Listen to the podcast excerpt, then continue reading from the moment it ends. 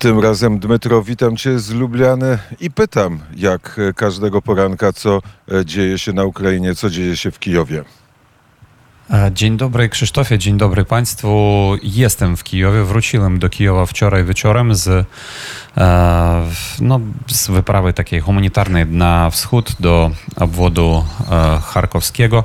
W mm, Kijowie e, w odru, e, e, nie tak jak tam na wschodzie, na, wsch- na wschodzie cały czas spadało, a u nas jest piękna pogoda i e, w słoneczko, chociaż całą noc mieliśmy alarmy e, i co najmniej trzy alarmy było, także noc nie była e, taka spokojna. Noc nie była spokojna, ale rosyjskie rakiety na Kijów nie spadały. E, dzięki naszym obrońcom nie, nie spadali i e, u nas było e, w tym sensie spokojnie, chociaż nie było spokojnie e, niestety w innych częściach Ukrainy, jak na przykład w Zaporożu. Zaporoże cierpia już z kolei kilka dni e, i codziennie wróg ostrzeliwuje to miasto rakietami typu S-300 głównie. E, Też e, to samo możemy powiedzieć o mieście Mikołajów. W Mikołajowie kolejnych 10 rakiet tego typu spadło. Na razie nie ma informacji o, o ofiarach. To samo w Zaporożu chyba jedna, jedna osoba jednak niestety była zabita. E, Także e, sytuacja jest poważna, e, ale też odnotowujemy, że były wybuchy też w Chersoniu i w Melitopolu, tam gdzie e, stacjonują okupanci. E, Wojsko ukraińskie na tym chersońskim e, froncie próbuje iść dalej, ale widocznie, że front ustabilizował się, chociaż wczoraj rzecznik Sił Zbrojnych Ukrainy powiedziała o tym, że jednak Ukraińcy idą naprzód. W obwodzie charkowskim, e, raczej w charkowskim oraz w obwodzie luhańskim e, nasi żołnierze też idą naprzód i e, próbują zbliżać się do, do miasta Swatowe, na, już, już na przedpolach, na obrzeżach miasta Krzemienna toczą się walki i e, tam e, wojsko ukraińskie próbuje wyzwalać e, już całkowicie obwód charkowski. Niedługo, e, nie, nie, nie dużo zostało tych okupowanych terenów e, w tym e, obwodzie, być może gdzieś 4% e, od całej, od całości tego obwodu, ale wojsko ukraińskie próbuje tam atakować. No, ale wojsko rosyjskie też próbuje atakować i e, w, z mm, udziałem e, tych e, więźniów rosyjskich, rosyjskich lagrów, nie wiem, ono atakuje na przykład w na Donbasie w kierunku Bachmuta, w kierunku Soledara, w kierunku Awdijiwki, w kierunku Marienki.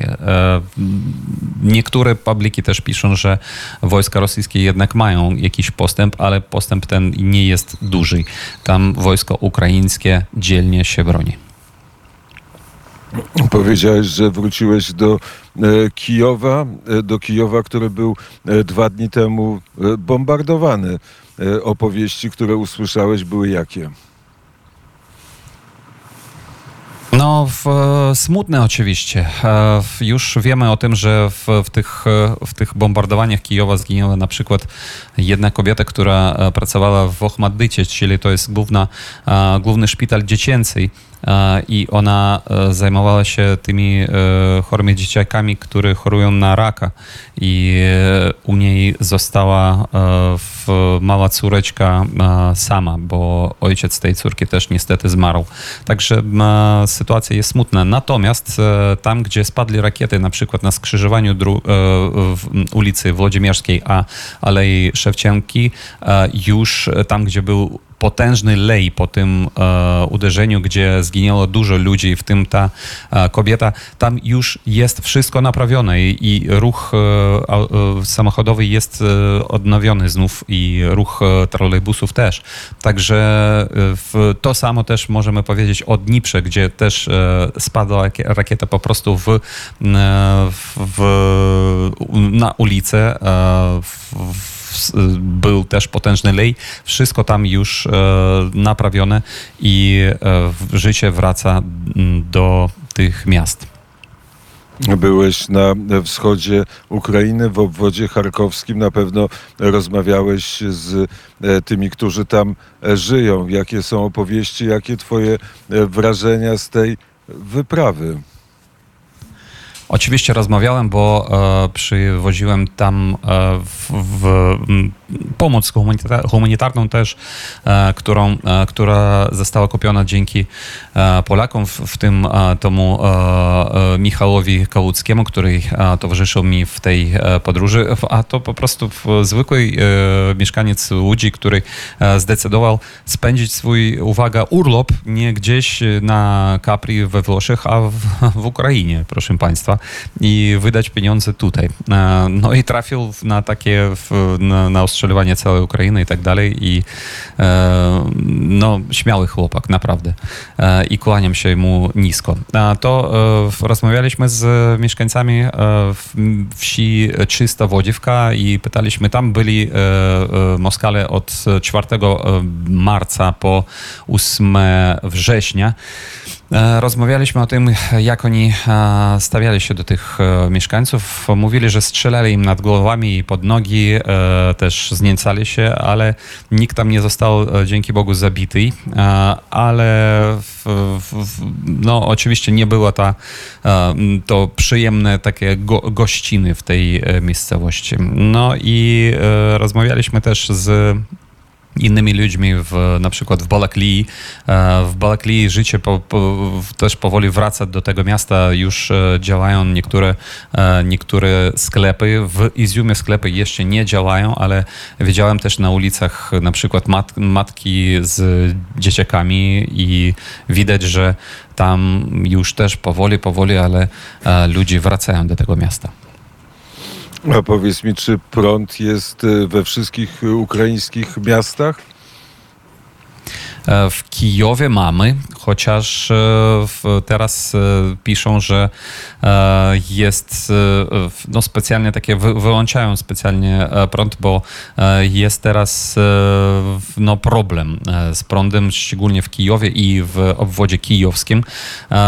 Na razie u nas w domu nie było takich specjalnych wyłączeń prądu, ale wiem, że u, naszych sąsiadów w innych częściach Kijowa to na takie rzeczy już zdarzają się. Także w, no, też walczymy. Kijowianie też e, na prośbę, e, prośbę rządu e, oszczędzali bardzo e, korzystanie e, prądu, na przykład w, te, w ten w- przedwczoraj, e, 10 e, września i to bardzo pomogło w odnowieniu dostarczania prądu w Kijowie i w regionie kijowskim.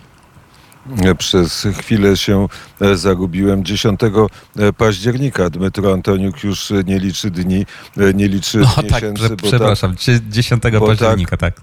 bo tak e, długo trwa e, ta inwazja rosyjska. E, Miejmy nadzieję, że wnet się skończy. Taką nadzieję mamy zresztą od początku wojny. Dmytro, e, bardzo serdecznie dziękuję za korespondencję z Kijowa. Dziękuję wzajemnie i życzę miłej kontynuacji e, wielkiej wyprawy.